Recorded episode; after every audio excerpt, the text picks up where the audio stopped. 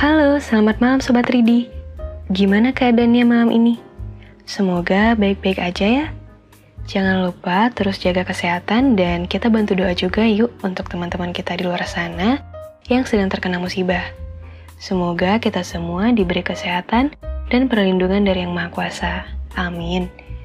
Nah, malam ini aku akan membacakan sebuah puisi tentang luka dan cinta. Siap-siap dengerin ya. Ambil posisi nyaman kamu dan rehat sejenak bersama duduk dan dengar.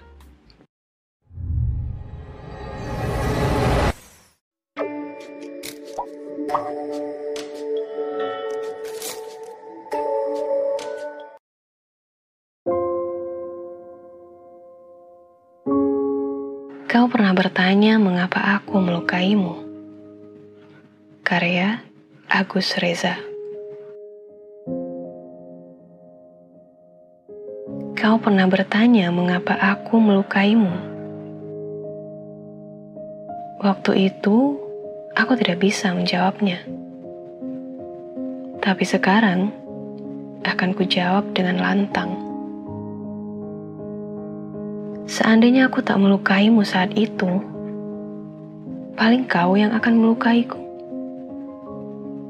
Begitulah, bukan siapa yang paling dulu tapi siapa yang lebih paham dari sebuah ketidakharmonisan? Seperti mata koin, di satu sisi bahagia, dan di sisi lainnya luka.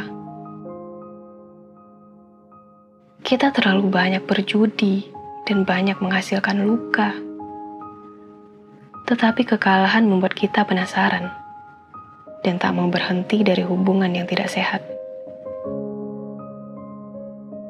Maka berhenti mencintai terkadang adalah cara manusia menjadi waras. Kau pernah bertanya, mengapa aku melukaimu? Waktu itu aku tidak bisa menjawabnya. Tapi sekarang, akan ku jawab dengan tenang. Begitulah konsekuensi mencintai. Yang bisa kita lukai, hanya kekasih sendiri. Dan jika saat itu aku tidak melukaimu, itu tanda bahwa aku belum betul-betul cinta kepadamu.